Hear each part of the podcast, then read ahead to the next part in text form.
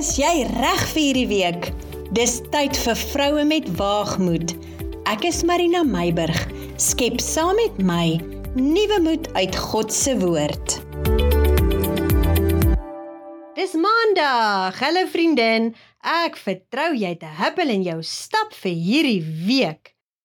Dina, die dogter van Jakob en Lea, kuier hierdie week saam met ons. Ons lees haar storie in Genesis 34 Maar ek gaan dit sommer net kortliks vir jou vertel en vra dat jy saam met ons sal kuier tot aan die einde. Dina was 'n jong meisie wat alles wou ondersoek. Natuurlik is dit nie verkeerd om nuuskierig te wees van geaardheid nie, maar dis belangrik dat ons nie met 'n tref en trap gesindheid deur die lewe moet gaan nie. Ek sal hierdie beginsel so bietjie later vir jou verduidelik. Wel, Dina het vol van waagmoed uitgegaan om die heidense dogters van die land te leer ken. Natuurlik is sy deur haar ouers grootgemaak volgens God se voorskrifte en beginsels en sy het mooi geweet wat is reg en verkeerd. Maar Dina wou graag alles in die lewe self ervaar. Dalk Weens haar godsdienstige opvoeding het sy gedink dat sy alles kan raaktrap, maar dat niks haar sal tref nie. Is dit nie ook maar so hoe baie jong mense wat in Christenhuise groot word dink nie? Dina se ontdekkingsreis verloop toe nou heel anders as wat sy gedink het. Sy wou spreek woordelik die leeu se snorbaarde so bietjie gaan kielie met die gedagte dat dit 'n troetelkat is en toe by die leeuaar.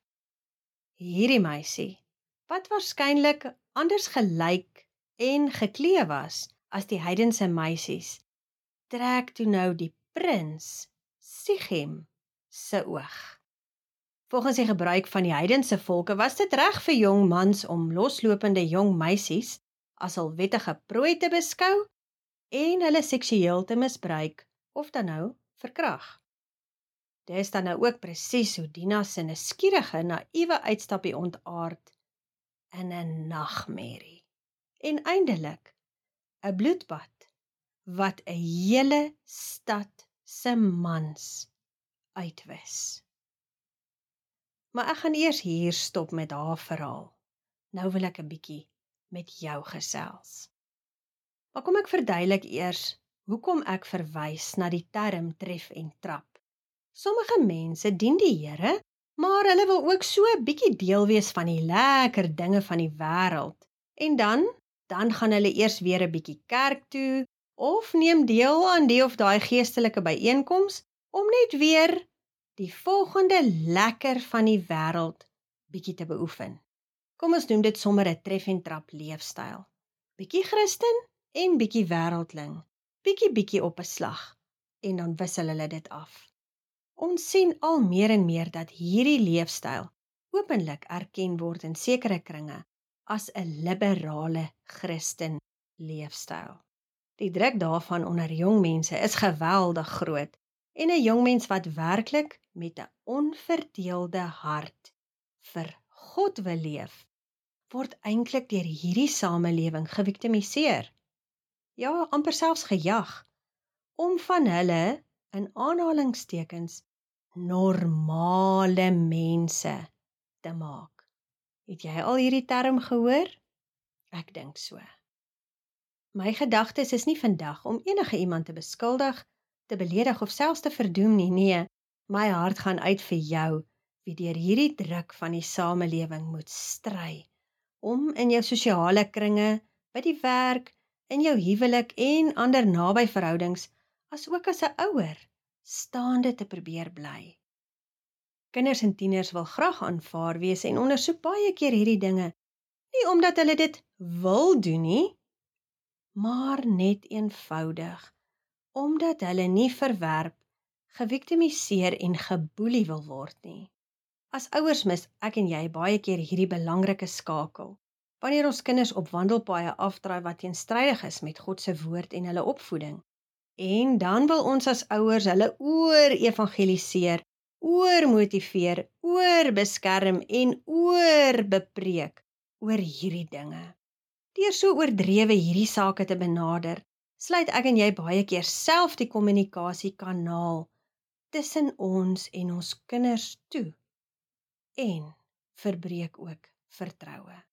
'n Oop vertrouensverhouding is 'n baie beter taktiek sodat jou kind jou eerder vertrou om oor hierdie dinge met jou te kom praat, sodat jy hulle kan help met 'n oplossing om die drukte omseil eerder as om hulle dieper in die moeilikheid in te bepreek. Dalk stem jy nie vandag met my saam nie, maar dis reg. Ons het mos maar almal verskillende opvoedingsstyle. Die feit bly staan, ons kan nie onsself verwyder uit die samelewing uit nie en die druk, konflik en spanning wat hierdie uitdagings veroorsaak, word al hoe moeiliker om te hanteer, veral vir die jong mense. Vriendin, ek wil jou net vandag bemoedig. Partykeer voel dit asof ons net nie al die vure wat opspring doodgeslaan kry nie. En die hitte van hierdie druk skroei ons van alle kante af.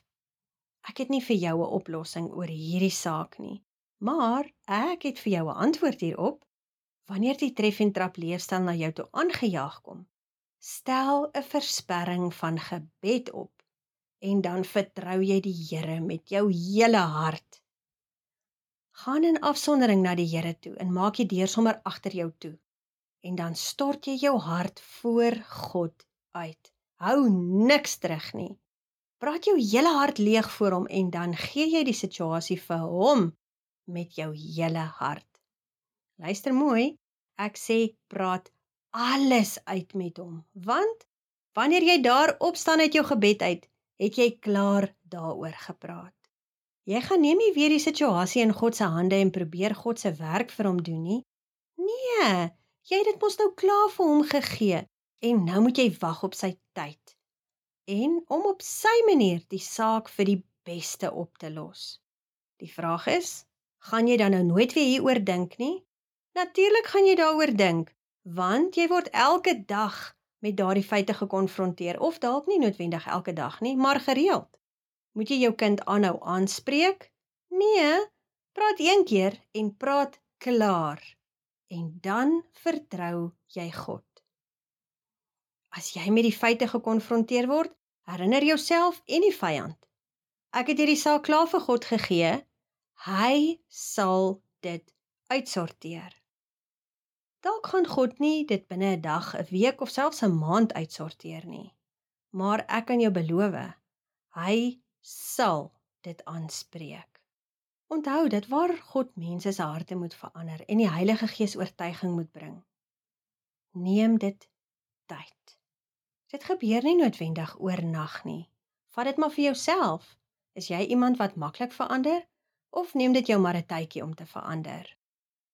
So vriendin, Kom ons gooi die tref en trap leefstyl sommer by die deur uit.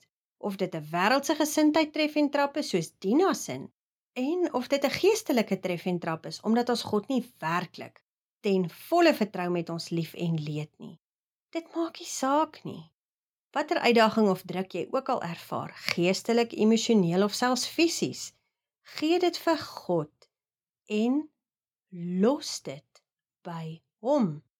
Ek groet jou vandag met Dawid se woorde uit Psalm 27 vers 14.